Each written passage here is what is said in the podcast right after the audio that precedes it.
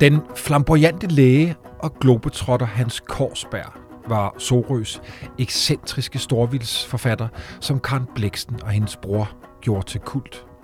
I 1890 rejste han med tog og hestevogn ned gennem Europa, over Nordafrika, Mellemøsten og Tyrkiet, før han nåede de kaukasiske bjerge. Med sans for at møde mennesker beskriver Korsberg de farverige kulturer, der var fremmede for de fleste danskere. Og senere, på næste lange rejse til svensk Lapland, nord for Polarcirklen, fortæller han om livet blandt Skandinaviens sidste nomader, om deres familieforhold og deres sameksistens med naturen.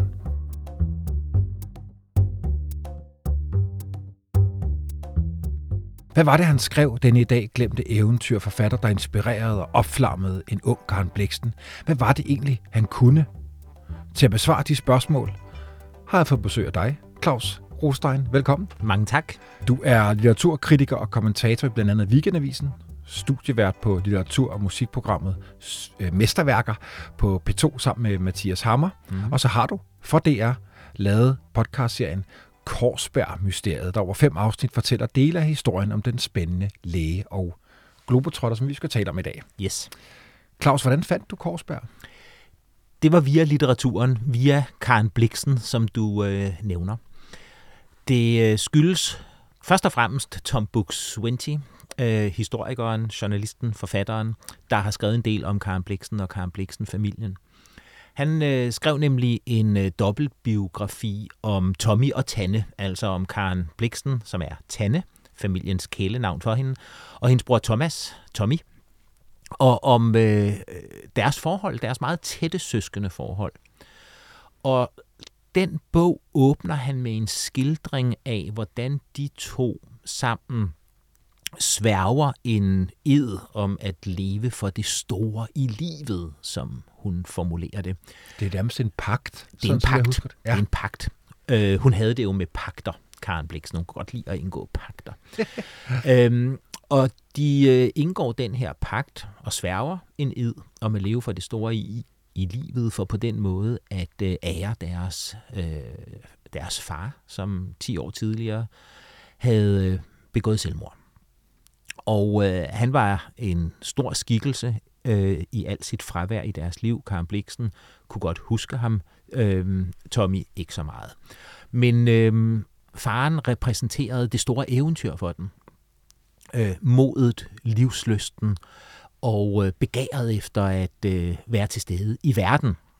Og han havde selv rejst meget omkring og været en meget øh, aktiv, flamboyant mand, der opsøgte eventyr og krig. Og øh, han skulle være sådan deres ledestjerne. Og den her pagt, den indgår de på en sten, der ligger i øh, en skovtykning ikke så langt fra Rungsted Lund, hvor de, i det der hedder Folehave Skov, hvor de øh, øh, besejler den ved at læse op af et stykke litteratur, nemlig den bog, der hedder Stort Vildt af forfatteren Hans Korsberg. Der er der en fortælling, øh, som den unge Tanne der læser for sin lillebror. Og det fortæller Tom Buk Swinty om. Og så tænkte jeg, forfatteren Hans Korsberg har jeg aldrig hørt om. Og jeg er vant til, når jeg læser Tom Buk-Swienty, så er der, altså, der er jo ikke et blad, der er uvendt. Der er ikke en sten, der ikke er løftet. Men øh, der var ikke et ord om Hans Korsberg. Og så tænkte jeg, hvem Pokémon han er. Og så skulle jeg lave en scenesamtale med Tom Buk-Swienty på Bogforum, og så siger jeg til ham, okay, no. fortæl mig lige, hvem er denne Hans Korsberg, som du jo siger, at Karen Bliksen, før hun bliver Karen Bliksen, er meget optaget af. Hvem er han egentlig? Og så siger Tom, ja, det ved jeg ikke. Han er sådan en forfatter, der var populær dengang. og så siger jeg, men jeg har undersøgt, hvem han er. Så nu skal jeg fortælle dig, Tom. Nå, du havde lavet forarbejdet. Der. Jeg havde lavet forarbejdet og fundet ud af, hvorfor Karen Bliksen var så interesseret i den her mand. De har mange fællestræk og mange fælles interesser med skæbnen, med naturen, med dyrene, med jagt, med rejser, med fremmede folkeslag osv. Ja, det er med, med verden på den måde. Ikke? Lige altså, nøjagtigt. Ja, nysgerrighed på den. Og litteraturen, altså også at fortælle verden, fortælle menneskene. Så jeg kunne godt se, hvad den her helt unge Karen Bliksen på omkring 19-20 år sværmer for. Og øh, jeg havde nået at læse mig til, at Korsberg var den her store rejsende. Og jeg tænkte, gud, der er ting, der, der passer på Bliksenslægten og Korsberg. De ligesom falder i hak med hinanden. Og så siger øh, Tom til mig, den historie, det er din. Den skal du fortsætte med. Og så tænkte jeg, det gør jeg nok en dag. og efter det her samtale, som blev sendt i radioen, øh, så havde mødt sit publikum, fik både Tom og jeg en mail fra en kvinde, der siger, hej med jer, jeg hedder Mette Korsberg, jeg er Hans Korsbergs øh, barnebarn. Jeg bor i Rom, her har jeg boet i 60 år. Hvis I en dag kommer forbi, så giver jeg spaghetti og rødvin, og så kan jeg vise jer alle mulige ting, jeg har arvet fra min bedstefar. Og det er sådan, det starter. Fordi ja. i, i den podcastrække, du har lavet, der hedder Korsberg Mysteriet, som jeg jo har lyttet til selvfølgelig, mm. Claus, og som ja. virkelig er fantastisk, vil jeg sige, mødet med barnebarnet i Rom. Ja. Der er jo simpelthen fantastisk kemi mellem ja. jer. Nej, hvor hun dejlig. Det var et øh, fantastisk møde med en øh, kvinde på øh, dengang 90 år. Øh, hun må jo så være 3-94 i dag, med det, som jeg heldigvis stadig er i kontakt med. Øh, hendes historie er i al sin korthed, at hun bliver gift med en romer og har boet i Rom i 60 år, og er øh, en, en romersk øh, øh, sådan, øh, matriark. Og øh, hun øh, ligger inde med mange familierelikvier fra Hans Korsberg, som hun altså aldrig har mødt. Ja, for, fortæl, hvad hun viser dig, eller fortæl, hvad hun fortæller om sin Hun fortæller først og fremmest, at hun aldrig har kendt ham, for han døde, før hun blev født. Altså, han vidste godt, at øh, der var et barnebarn på vej. Og han, øh, han gemte alle korkpropper fra vin og øh, champagneflasker, så han kunne sy et korkbælte til hende, så hun kunne lære at svømme på et, et, et, et leje af, af, af dejlige minder fra al den øh, champagne og rødvin, han havde drukket. Øhm, jeg tror aldrig, det korkbælte blev færdigt, men, men ideen er jo skøn. Helt fantastisk. Og øhm, hun har så altså øh, arvet en masse ting fra ham, og synes, at hun har kendt ham, fordi familiefortællingen om ham er så stærk. Og så viser Mette mig, at hun ligger inde med ting og sager, øh, som øh, Falle har hjembragt fra, øh, fra øh, sine rejser, øh, særligt til øh, kalmykkerne til Kaukasus, hvor han ledte efter disse øh, rytterfolk. Og øh, jeg synes, det var ret fantastisk, fordi der ligger ting, der efter min mening er museumsgenstande. Måske ikke noget, der skal ligge i en udstillingsmontre, men i hvert fald i et øh, arkiv. Det skal være kendt.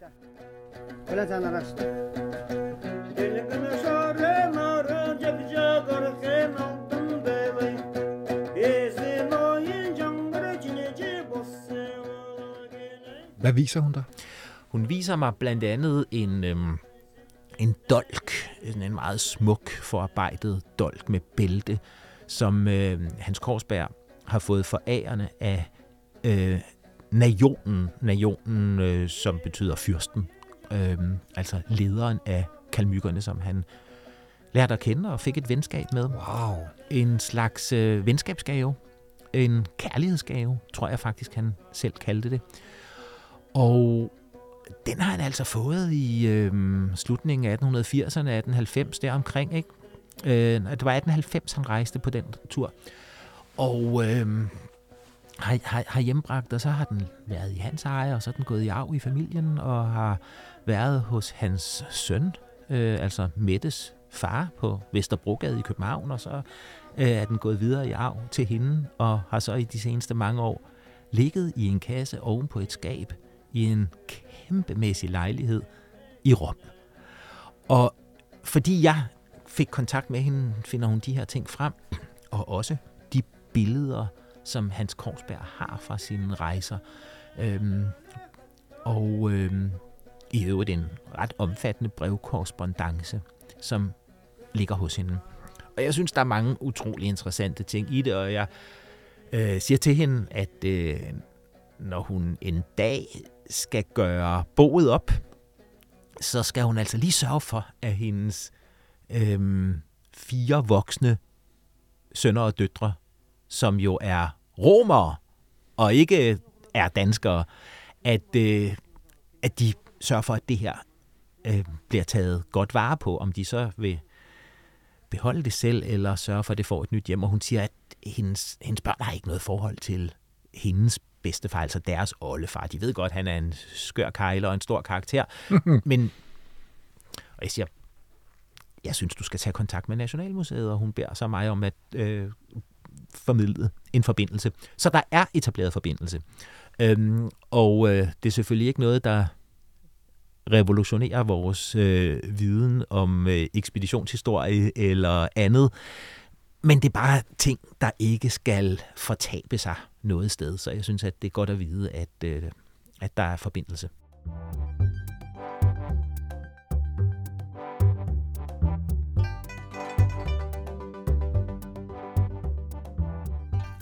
Så Claus, din, din, øh, din podcast-række om, om Korsberg bliver jo også en, en, en rejse, eller en på jagt efter Ja. en mand, du egentlig ikke rigtig kender, da du sidder på scenen med Tom. Du har læst lidt op på den, men, ja. Men hvad er han for en, for en karakter? Ja. Fortæl, hvad der også fascinerer dig så meget ved Korsberg. Altså mit udgangspunkt er jo litteraturen, og øh, jeg fik lynhurtigt en fornemmelse af, at der var en øh, meget dyb fortælling, som øh, Tom kun havde øh, præsenteret for os, men ikke gravet rigtigt ud, nemlig om Karen Bliksens øh, tidligste litterære inspiration. Man ved jo godt, hun skrev ting og sager som barn allerede. Hun har altid været et skrivende barn. Øh, men, men når hun bruger Hans Korsbergs novelle Isbjørnen til at indgå den her pagt med sin bror, som handler om faren, der er den store ledestjerne i hendes liv, så er Hans Korsberg ikke nogen hvem som helst. Så er han pludselig vigtig for den danske litteraturhistorie.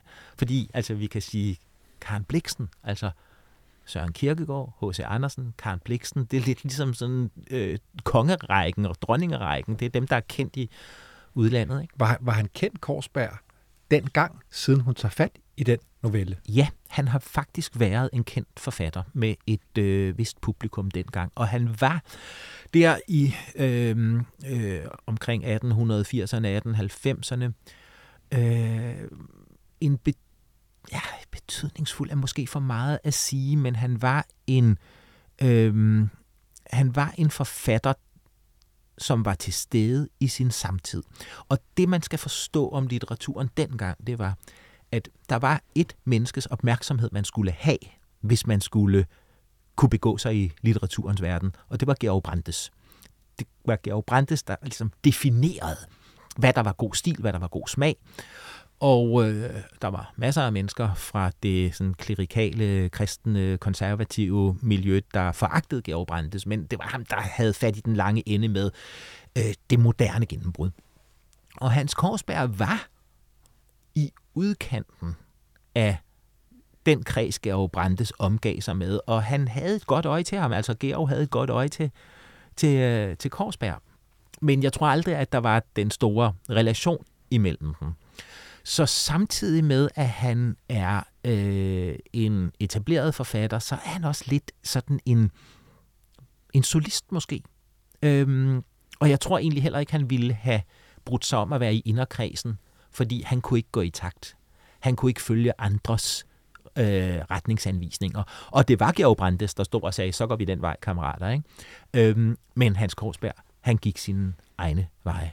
Og det må være essensen af eventyret også, ikke? Det er. Man går sin egne veje. Man går sine egne veje, og det er uanset om man øh, leder efter skøjteløber på Susåen eller kalmykker øh, ude på stepperne. Ikke? Skal vi ikke komme derud af? Jo, lad os det.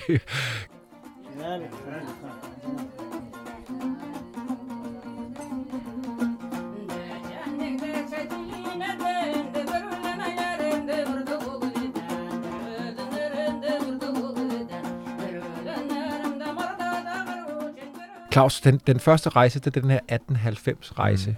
som også øh, bliver beskrevet i hans, øh, i hvert fald på et tidspunkt, berømte bog, Gennem stepperne. Ja. Og blandt kalmykkerne, tror jeg, den hedder. Og den ligger jo her øh, Ja, på ja. bordet foran os. Du har taget masser af smukke og gamle bøger med, og det var også den, du startede med at læse højt fra. Ja, vi fik lige et øh, lille brudstykke ude fra stepperne. Den hedder Gennem stepperne og blandt kalmykkerne til hest og med træspand. Ja, godt. Claus, øh, hvor, hvor, ved vi, hvor han får den øh, idé fra til den her rejse? Altså, Hans Korsberg har en kæmpe appetit på alting, og han er sådan lidt polyhisteragtig. Han vil vide noget om alt. Øhm, han er umættelig og utrættelig, og han er på et eller andet tidspunkt blevet interesseret i øh, sprog og rejser lidt rundt i Europa, øhm, Tyskland, Østrig, Ungarn, øhm, hvor han egentlig samler materiale til en doktordisputat, han skriver. Ja, han, er uddannet, han er uddannet læge. Det har vi glemt at sige. Han er læge. Han er jo læge, det er rigtigt. Han er læge, og han er øh, øh, gennem 25 år distriktslæge i Sorø. Så han er også sådan embedslæge. Det er faktisk ham, der får til opgave at modernisere hospitalsvæsenet i Sorø. Øh, de river noget gammelt bras ned og bygger et nyt efter hans anvisninger. Altså hvor han siger, hvor, hvor store sovesalene eller syge, sygeseng, hvad hedder sådan noget, salene til sygesengene skal være, for at der er plads nok, for at der er luft nok. Okay. Han er moderne i sit syn på øh, sygepleje og så videre, og så videre. Så han, han, han giver anvisninger til, hvordan det her hospital skal være. Og øhm, altså sideløbende med, at han så også bliver forfatter og øh, øh, ekspeditionsrejsende, så er han altså læge og embedsmand. Og det er ret øh, imponerende, at han kan det hele. Men altså, han rejser rundt i Europa, efter han er blevet student i 1873, som altså er lige i de år, hvor Georg Brandes står og lyser på hele øh, øh sådan, øh, kulturfirmamentet i, i Danmark, og jeg er sikker på, at Hans Korsberg har orienteret sig mod alt det moderne og spændende, der sker der. Ikke? Øhm, men han rejser altså rundt i dele af Europa og, og gør studier til den her disputat, der skal handle om brok. Øhm, men den bliver først færdig øh, i 1889, og jeg tror godt, at vi kan regne med, at han har haft en enorm restløshed, mens han har gjort den færdig, fordi han ville ud. Han har haft sådan en kæmpe udlængsel. Ikke? Øhm, og så er det måske på en af de her øh, Europaturer, at han bliver, og måske via sin interesse for, for sprog, også opmærksom på, hvad der sker lige på den anden kant af Europa. Altså hvis vi ligesom fordobler rejsen, eller tredobler rejsen, hvor kommer, kommer vi så hen? Og så har han en helt grundlæggende interesse for det, man dengang kaldte naturmennesker. Ikke? Øhm, så han ville ud. Oprindelige folk. Oprindelige ja. folk, ja. Og så vil jeg næsten sige, Claus, det sidder jeg bare og tænker over nu, men der er Kaukasusbjergene, som han jo snart kommer ned til, og blive mm. på den anden side. Mm. De kalmykiske stepper, må også det der grænseland mellem de her to verdener, at vi har Europa, og så kommer de bjerge, hvor man ikke rigtig ved, hvad, hvad er det egentlig? Ja. Det er Persien, ja. ja. sydpå, og, og, og Kazakhstan og kalmykiske stepper på den anden side. Ja. Så det er sådan et det der ja. grænseland. Lige præcis. Er der en lille hvid plet på landkortet og stadigvæk? Folk, og folk fortæller ham, så vidt jeg husker, de er væk, de der folk. De det er jo det, han får at vide. Ja. Det er det, han får at vide. Altså, han, han siger, jeg vil ud og finde kalmykkerne. Ja.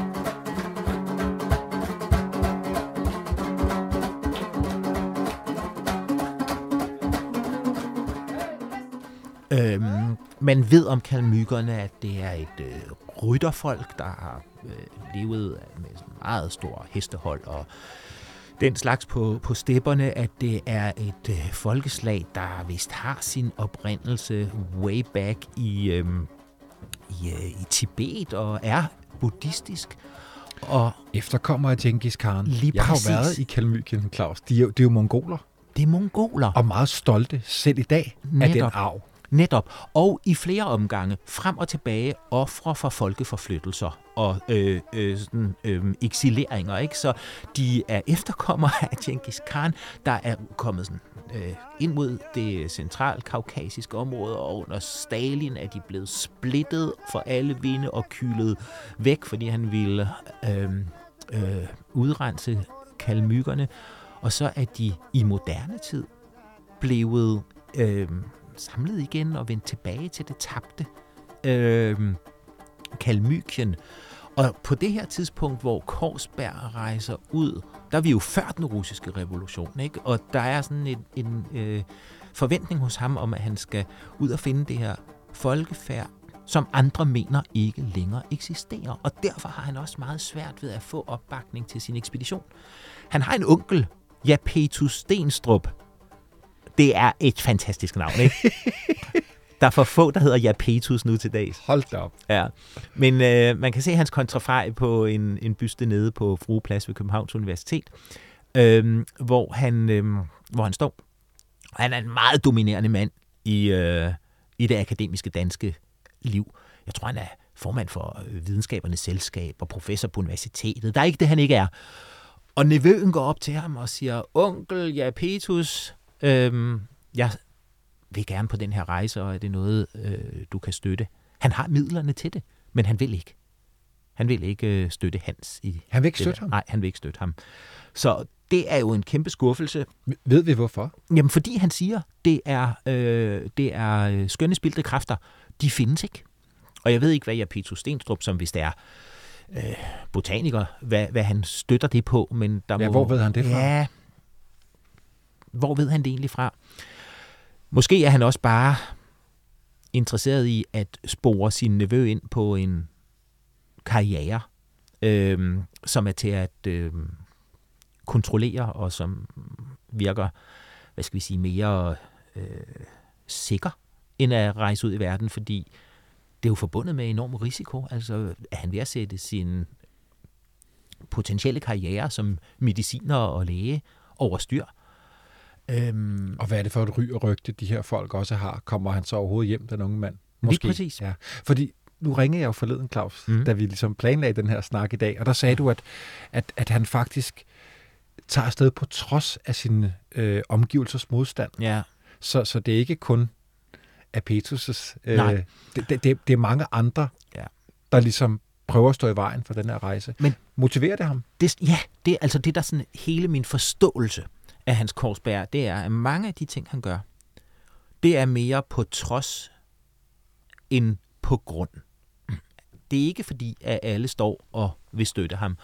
Og han kaster sig jo også ud i sådan nogle halsbrækkende enkeltmands ekspeditioner, og nogle gange minder han mig om Carsten Niebuhr, da alt var ramlet, og, øh, og han er alene, da Og alle, alle dør er omkring ham. døde omkring ham, ikke? Og han, i stedet for at give op, så påtager han sig bare en opgave mere, som han så også lærer sig at mestre, ikke?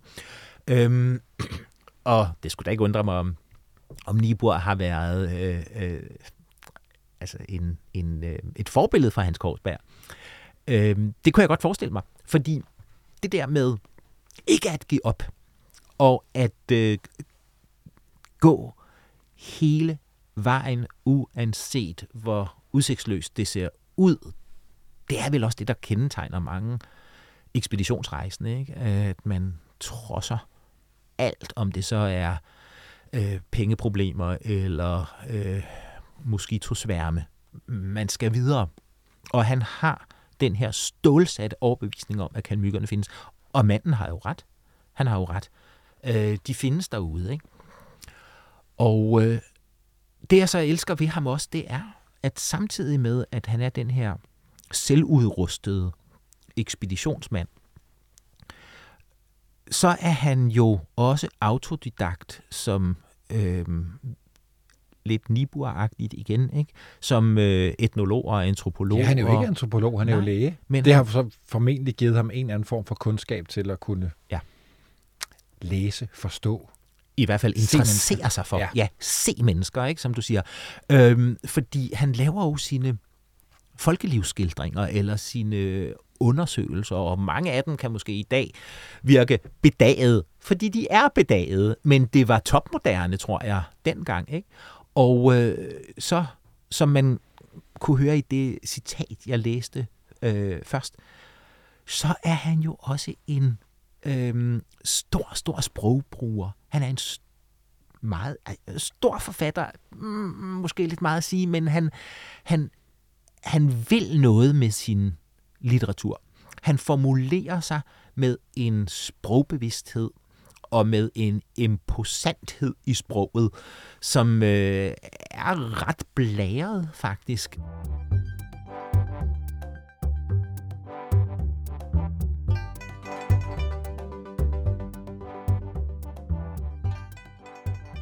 Vi skal lige ud på rejsen, fordi Ja. han, sådan som jeg husker det, så er det fra, fra Sorø, København, Mm. ned igennem Europa med tog og hestevogn. Ja. Og så når han Gibraltar Mm. over til Nordafrika. Mm. Øh, har, har, vi nogen, øh, har du nogen nedslag, nogle ting, du husker, som er væsentlige for den rejse der? Jeg tænker, i slut 18, eller det er så starten 1890, Ja. igennem Tyrkiet, Ja. Mellemøsten inden det, Ja. Og så de kaukasiske bjerge. Ja. Jeg fatter slet ikke, hvilken verden Nej. han er rejst ind i. Nej. Altså strabasser, mennesker, bjerge, dårlige veje, det er jo Ja. alt op i luften. Alt op i luften, det er ret vildt, ikke? Altså, det er sådan noget med Tunis, Athen, øh, Lille Asien øh, og Konstantinopel.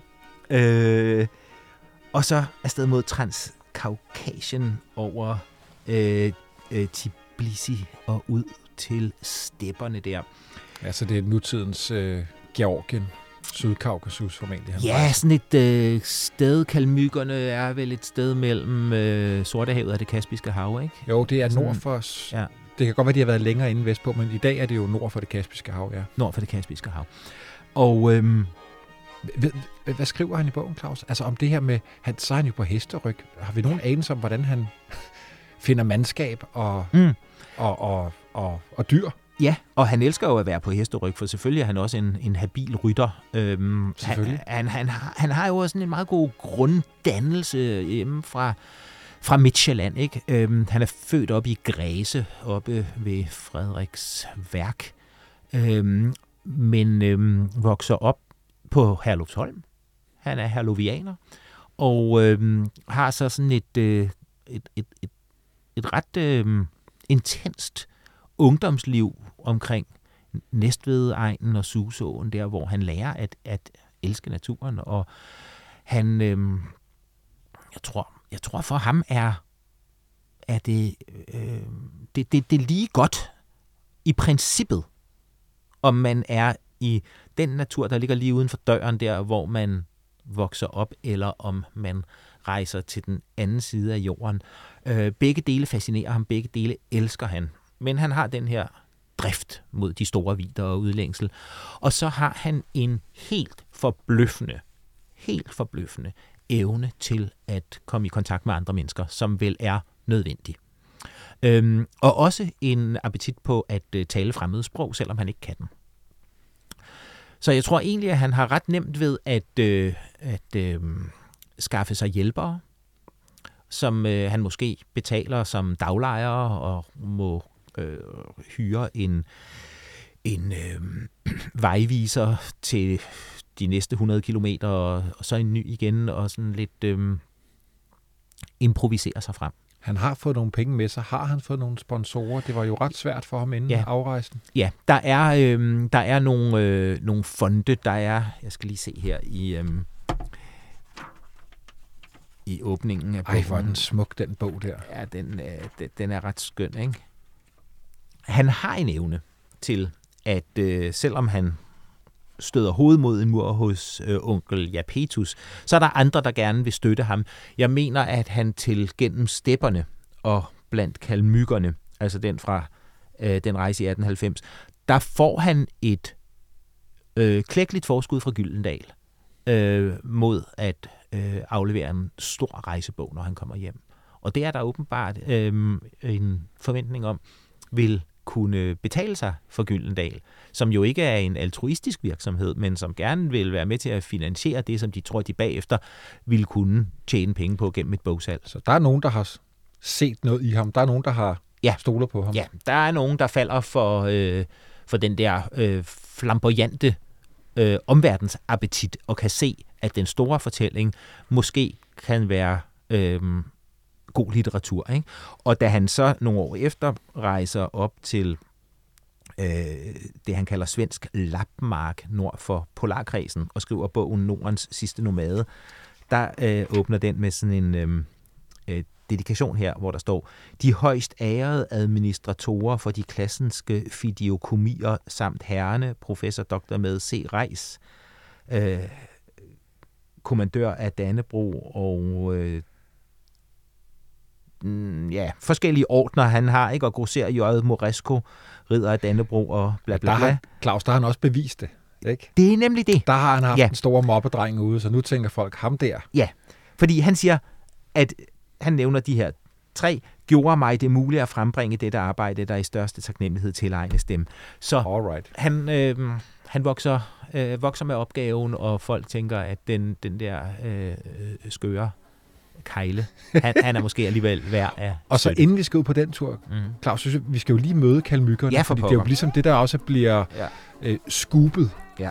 Han får fortalt, de findes ikke mere, vi støtter ikke dit projekt. Ja. Han tænker, fanden i det, jeg tager afsted alligevel. Og så ja. med store strabasser og store bjerge og dårlige veje, og ved vi, hvor længe han er væk?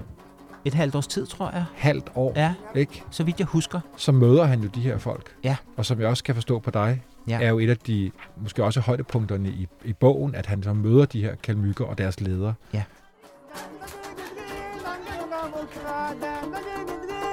Nurna bayrak ören dangi hamna yotqa Nurna bayrak ören dangi hamna yotqa Nul ya dil ya dil ya dil Irga da dobra da do ya han, han, er jo, han er jo opsat på at finde det her folk, som andre siger ikke længere findes. Og da han så ene mand får bragt sig i en øh, situation, hvor han faktisk godt kan se, at øh, han har ret, så hoverer han ikke, men han laver sine meget intense studier af kamlykisk liv og øh, deres, øh, øh, hvad skal vi sige, øh, alt fra deres levevis til deres kultur, til deres sprog. Han vil sådan skrive den kalmykiske kulturhistorie, og øh, derfor har han brug for at komme meget, meget tæt på den. Og kalmykkerne er interesseret i den her mærkelige mand fra Norden, der øh, viser dem stor interesse, så de viser ham gæstfrihed. Og han bliver bragt til nationen, altså fyrsten, og de øh, bliver venner. Og det er derfor, han får den her, som vi talte om før, det her bælte, den her kærlighedsgave, da han, Den der da han dolk, rejser. som du har set Dolken i bæltet, som. Ja. ligger nede, nede i Rom. Ikke? Øhm, og øh, det, er jo, det er jo en triumf for ham. Det er jo simpelthen en triumf for ham, at han bliver øh, øh, ikke bare finder kalmykkerne, men også bliver taget alvorligt af dem. Altså, at de, øh, de forstår ham. Og så er han jo også interesseret i, ligesom han bliver senere med, med øh, laplænderne, øh, samerne, som vi vil sige i dag, hvad det er, der sker, når en i stigende grad moderne civilisation presser sig på. Fordi han er jo bekymret. Han er bekymret, og det viser sig jo med rette. Altså, han har så meget at have sin bekymring det i, er ikke? så spændende, det Ja. der. Han kan se en verden, der er ved at Øh, Ja, forsvinde. Ja, lige præcis. Eller en verden, der vil at indhente øh, Ja, det i. en, en oprindelig måde at, at leve på. Ikke? Og jeg tror, han har sådan en fornemmelse af, at øh, det, er, det er nu, det skal, det er nu, jeg skal se dem, og det er nu, vi skal skrive om dem, fordi de er der ikke på lang sigt. Og øh, ja, hvad er der gået nu? Så er der gået 130 år eller noget i den retning, ikke? Og øh, han har jo fået ret i flere omgange. Og jeg tror, at Hans Korsberg ville være glad for at vide, at øh, der så også er en kalmykisk øh, renaissance, men at den selvfølgelig er svag og sårbar, men der er en eller anden form for, for kalmykisk øh, identitet. Øhm, men jo ikke noget, der på nogen måde svarer til de stolte tider. Jeg tror også, som jeg husker det, så er han også øh, på sporet af, at øh, det er en lidt degenereret kultur, fordi de store øh, hestehold har de ikke længere. Nu har de kun, jeg kan ikke huske tallene, men altså om det så er mange hundrede eller mange tusind heste eller sådan noget. Men engang var der måske 100.000 vis af, af heste. Øhm, så han ser altså en kultur, der er i gang med at møde sin, øh, ja, sin egen undergang. Og det samme, der kommer til at ske på den næste rejse Ja, i, øh, i, i Lapland. Ja. Formentlig det samme. Folk er ved at blive mindre nomadiske. ja Samerne er ved at, Ja. at sætte sig nyby. De svenske nybyggere har været der, og man, man i gåsøjne lærer noget af dem.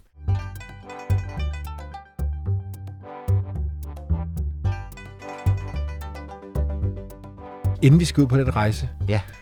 øh, Claus, så vil jeg vise dig et billede. Mm. Du kender det. Jeg har jo også fået fingre i den her Nordens sidste nomade, så den har vi jo så to eksemplarer liggende af. Og jeg vil Ja. sige, inden jeg nogensinde hørte om Korsberg, Mm. nu har jeg jo lavet den yderste grænse meget længe, Mm. haft mange spændende mennesker i studiet, og hver gang der har været nogen ligesom dig, så siger de, har du hørt om ham eller hende? Nå ja. Så min liste er jo meget lang Ja. af, af spændende folk, jeg kunne lave et afsnit omkring. Ja. Der er aldrig nogen, der har sagt til mig, at jeg burde lave noget om Korsberg. Nej. Men jeg har fundet det her billede, Mm. som er det første billede i, øhm, i, øh, i bogen. Ja. Og det har jeg printet og hængt op derhjemme. Bare Ja. fordi jeg synes, det var så utrolig smukt og stærkt, og fordi jeg selv har en drøm om at lave en lang rejse oppe i, øh, i Lapland på et tidspunkt. Jeg har været der over flere omgange tidligere, men sådan en lang, en lang rejse derop.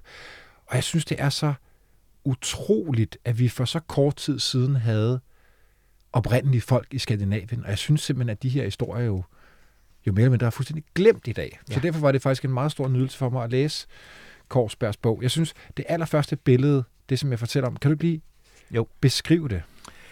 Jo, altså det er så fra bogen fra 1897, efter hans øh, rejse til, Ja. øhm, øhm, til det nordligste Skandinavien. Lapgumma med halvvoksen datter og et spædt barn i Komsen, lyder øh, billedteksten. Komsen er altså lapvuggen. Øhm, og man ser en lapgumma, altså en øh, kvinde, en gumma, som man stadig siger på svensk i dag, med en halvvoksen datter. Øhm, og kvinden, den ældste, har så øh, den her vugge, hun bærer i favnen, hvor der ligger en baby, som vi ikke kan se, fordi der er sådan et øh, klæde foran hovedstykket.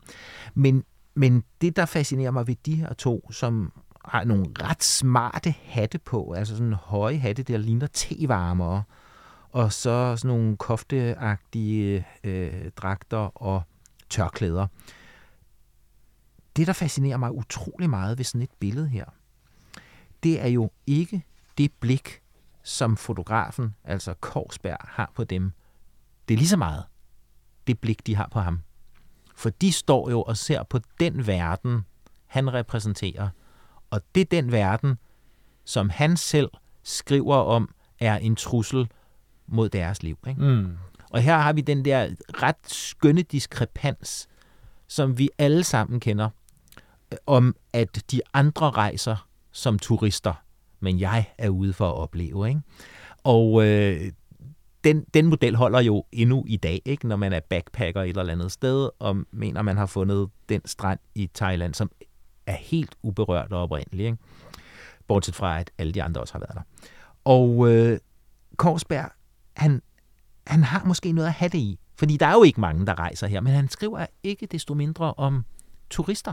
Og han skriver om turiststier og turiststeder, og om hvordan det er at afvige fra øh, der, hvor turister rejser. Den svenske turistforening har jo været meget, meget dygtig til netop at, hvad skal man sige, befolke det, gøre det tilgængeligt deroppe. Lige Allerede dengang. Ved at lægge bjælker ud over grøfter og moser og sådan noget, sådan så man kunne komme tørskoet over. Øh, det skal han ikke nyde noget ud af. Altså, han skal øh, klæde sig som de lokale, og så skal han øh, gå af mange stivil, ligesom øh, de gør selv. Øhm, men, men han repræsenterer jo, altså, den opdagelsen repræsenterer jo civilisationen. Ikke? Baggrunden bag de to der, der står jo, mm. man kan lige se øh, noget fra koden, fra Ja. deres, øh, Ja. hvad kan vi kalde det, larvu, tipi, kært barn har mange navne, Ja. men, men deres, deres bolig, nomadiske bolig, som kan plukke sammen. Formentlig det samme, han har set hos kalmykkerne, Mm. som jo har de her mongolske øh, jurter, som de kan pakke sammen og rejse videre med. Ja, og jeg ved ikke, Bjørn, om, han, om, om, om det er noget, han presser frem i sig, eller om det er retfærdigt at sige. Men han finder mange lighedstræk mellem kalmykkerne og samerne, eller lapperne. Jeg ved ikke, om det er forceret, om det er bare fordi, han ønsker det. Men det er jo et folk, der er meget, meget tættere på naturen, end, end hvad han selv repræsenterer Ja, ja. som det moderne menneske. Absolut. Om end han sikkert var tættere på naturen end mange andre danskere med sit, Ja. sit jagt og sin ridekundskab og også sin, Ja. sin, sin store bog. Den, Ja. som Bliksen var fascineret af. Stort Ja, vildt, Stort som vi Vildt. måske Yes. skal nævne til sidst. Ja. Så, så det har han jo mødt. Du har ret, og der er selvfølgelig objektiv lighedstræk med det der at bo i naturen, tæt på naturen, tæt på dyrene, og en, en, øhm, en bolig, der kan øh, øh, hvad hedder det, øh, pakke Ja, sammen, ja. flyttes, altså de nomadiske træk. Ikke? Øhm, men, han, øhm, men han drister sig jo også til at sige, at der er noget i fysionomi og måske ligefrem i sprog. Altså han finder samiske træk i øh, Øh, sprog, som han kender fra kalmykkerne og så videre, og så videre. Men, men jeg synes, det er meget interessant, hvordan han, hvordan han selv, hvor hvor selvbevidst han er. Ikke? Fordi han siger i begyndelsen af den her bog, altså helt fra starten, så siger han, at han i tre år har søgt om at komme afsted på en ny ekskursion, ved hvilken jeg kunne erhverve materiale og impulser til fortsatte studier over nomadiserende og lidet kultiverede folkeslag. Øhm, så det er, en, det, det er en akademisk ambition for ham også, selvom han jo, hvad det her angår, også er amatørakademiker på, på en række felter. Ikke? Men altså fortsatte studier over nomadiserende og lidet kultiverede folkeslag. Mm. Det er igen det her med at komme ud og møde dem, inden øh, byerne breder sig. Og det tror jeg bare, man skal forstå, Claus. Altså, at, at det nordlige Sverige, Norge og Finland, Mhm. altså nord, nord for Polarcirklen, her i, i, i 18 slut 90'erne. Jeg ved godt, det ikke er sidestillet med de kalmykiske stepper og de kaukasiske bjerge, men det er vildmark. Ja. Altså, jeg ved godt, der er nybyggere deroppe, og der, man begynder at, at, at, at udvikle en infrastruktur, i hvert fald i den svenske del, sådan som jeg forstår historien. Men der bor jo nogle mennesker her, som jo mere eller mindre er fra en anden planet. Ja. I hvert fald, hvis man kommer fra Sorø eller København, eller hvor man nu kommer fra i Danmark. Og som bliver øh, tvangsintegreret eller tvangsassimileret i en øh, ny nationalstatsbevidsthed, som øh, kravler højere mod nord, fordi der også er vigtige naturressourcer og grænser, øh, grænseinteresser osv. osv. Øhm, og det, det må jo være et kæmpe chok at blive øhm, offer for sådan en, en, øhm, en udvikling, når man selv lever i en stadig før moderne kultur. Ikke? Men, men prøv lige at høre, hvad han skriver i begyndelsen af den her bog igen. Han siger, at han havde opstillet ikke mindre end tre forskellige mål for sin næste studierejse. Svanerne i Højkaukasus. Jeg er ikke helt klar over, hvem Svan, ja. der har jeg faktisk også været, Ja. Claus. Det er en lille republik, der ligger ja. mellem Sydossetien og Aukasien Mm. i Georgien, som er et folk, Svan. Swanfolket. Ja. Øhm, Det er nogen, han gerne ville besøge. Dem ville han åbenbart. gerne besøge, ikke? Det var, ja. det var en mulighed. Og så øhm, øh, kirgiserhorderne i Transkaspien, eller rensdyrnomaderne i arktisk Lapland, eller resterne af det mauriske folk i Sydspanien, samt visse stammer i Marokko. Wow. Er det ikke fedt? altså, det har han ligesom siddet og, og overvejet. Hvad er muligt? Hvad er muligt? Hvad, hvor skal jeg tage hen? Ikke? Jeg gik nemlig ud fra det resonemang. Der er nok for dig at gøre i alle disse egne af verden, og når, du, og når du ikke det første mål, så bliver der dog måske i tasken et passende projektil, hvormed du kan træffe det andet eller tredje. Efter jeg allerede i fjor med tungt hjerte, vel definitivt havde måtte opgive rejsen i Asien, hvor fortrinlige forbindelser og venner fra fortiden i høj grad ville have begunstiget en ny færd, var jeg ikke i tvivl om, at jeg burde gæste rensdyrnomaderne, da jeg i foråret 94 endelig så mig i stand til at bryde op. Altså, jeg synes, det giver et fantastisk billede af hans udlængsel og hans beslutsomhed. Ikke? Og øh, at der ligger en, en, en, en rationel vurdering af, hvor øh, er det relevant at tage hen, og hvor er det muligt at tage hen. Og så skriver han efterfølgende her, at så frem man vil studere det kultur, den kulturhistoriske fossilitet, der hedder samefolket, Åh. og så frem man vil fordybe sig i arktisk svensk Lapland i dets uberørte naturtilstand, bør man nemlig ikke tøve. Så er det nu. Så er det nu. Og altså, det er for 125 år Ja, siden. men øh, han, han, han, så, han så, at det var ved at forandre sig. Han så ind i fremtiden. Det er det, som Yes. pigen og hendes mor på billedet står og ser på ind i linsen. Lige nøjagtigt. Hvad i alverden er det, det der?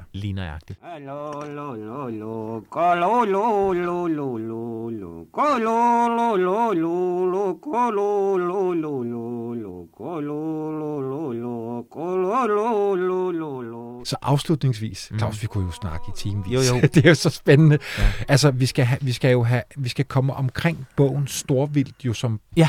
betyder utrolig meget for Karen Bliksten Ja, og, og hendes bror. Og den har du også med, den bog. den har jeg her, ja. Og den er om muligt lige så smuk. Ja, den er meget elegant, som ikke? de andre Lidt skadet her på ryggen. læder Den end bunden. Hvem er det, der har skrevet i... Jamen, det er Hans Korsberg. Du kan- Hans Korsberg har skrevet i den? Ja, ja, der er en dedikation Nej. øhm, til, til øhm, A.H. Brun, som øh, selv var forfatter og havde skrevet en bog, der hed Blandt krigsfanger i Turkestan. Nej.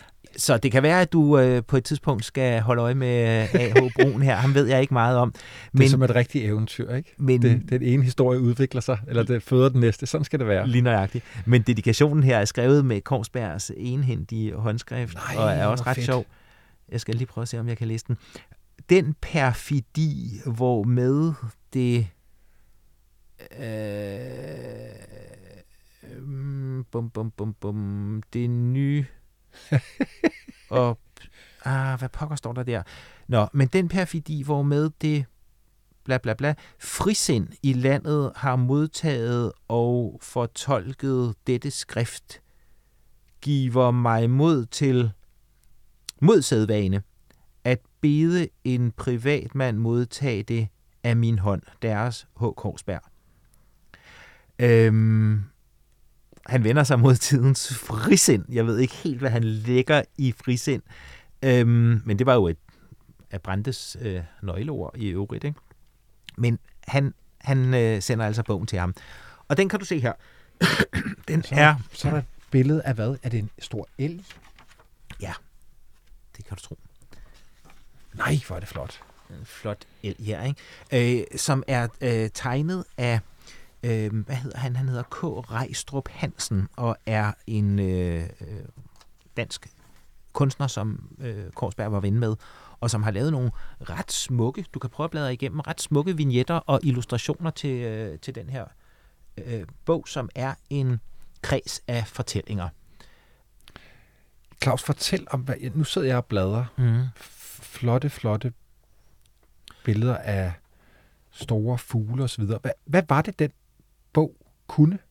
Hvad, hvad kan den? Hvorfor var hun så Du skal begejstret for den? Bliksen? finde frem til, bladre frem til den fortælling, der hedder Isbjørnen. Isbjørnen er en fortælling om en fyr, der øh, øh, lever alene med sin far, og da faren dør, lover sønnen at øh, træde i farens fodspor, altså lidt Karen Bliksen og pakten for at ære fars Gud. Og igen, den ender med, at den unge mand har rejst over hele verden, og der er ikke det dyr, han ikke har nedlagt på sine jagter. Han mangler kun en isbjørn, så han tager til Polarhavet. Og det lykkes ham at nedlægge en isbjørn.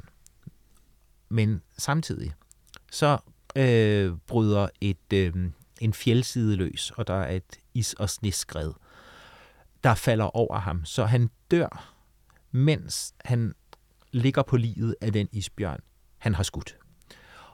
Og øh, dør derfor lykkelig, fordi han har opnået det store i livet. Han har mødt den sande Gud, nemlig naturens Gud. Ikke nogen menneskeskabte guder, men den guddommelighed, naturen i sig selv er.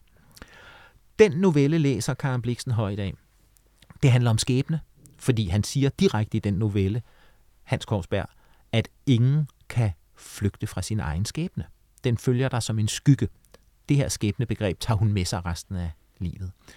Øhm, og det der med at skyde og dræbe et dyr, og på den måde blive et fuldendt menneske, det tager hun også med. For eksempel i fortællingen En skibsdrengs øh, fortælling, hvor, hvor der netop også er sådan fuldbyrdelsen af menneskeligheden gennem at have nedlagt et, øh, øh, et andet væsen her, det er ved at have dræbt en, en mand. Og øh, jeg kan se for mig, hvordan Karen Bliksen har slugt Hans Korsberg og haft sans for al naturpoesien, al øh, den sproglige ekstravagance og øh, for de store temaer med øh, det skæbne, bunden og så videre. Og selvom man dør for sin passion, Mm-hmm. så forfølg den. Ja, netop. Ja. Absolut da. Mm. Absolut. Altså, lev for det store i livet. Det er jo det, man kan sige, at Karen Bliksen har gjort. Øh, Det er det, hun har skrevet. Og det er ikke noget, hun har fundet på selv. Det har hun fra vores ven Hans Korsberg.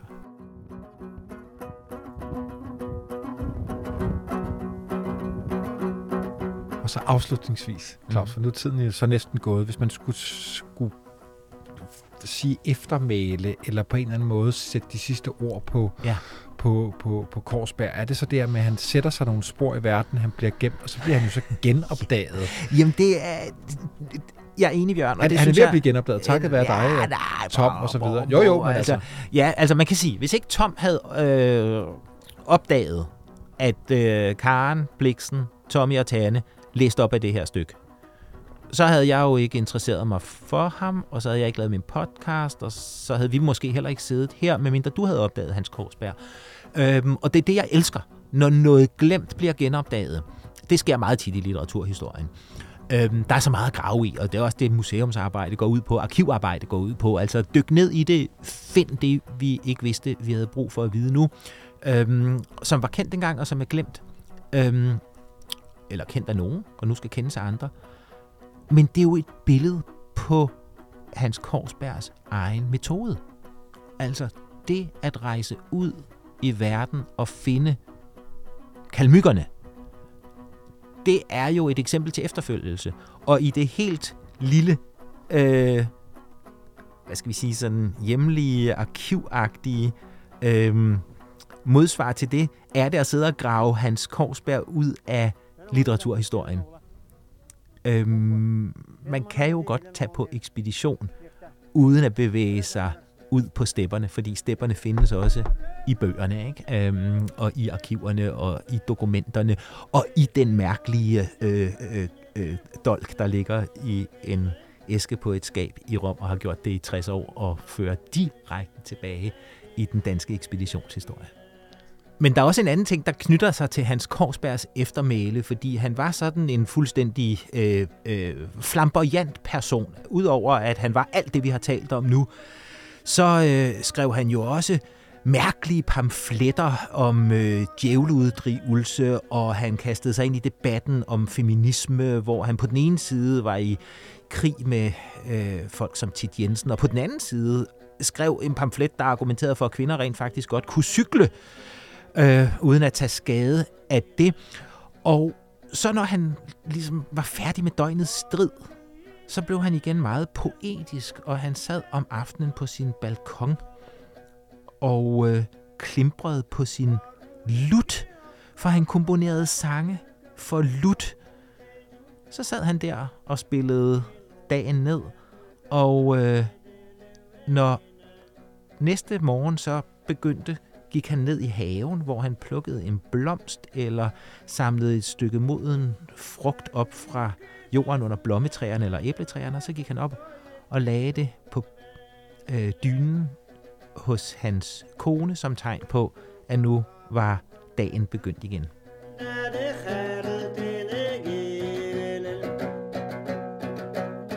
Sikke en mageløs historie. Claus, mm. tusind tak for, at du var med og fik vækket ham til live igen, Korsberg. Tak for invitationen.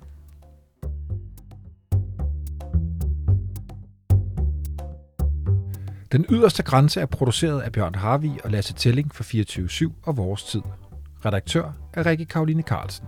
Du kan finde flere podcasts om historie ved at søge på Vores Tid i din podcast-app.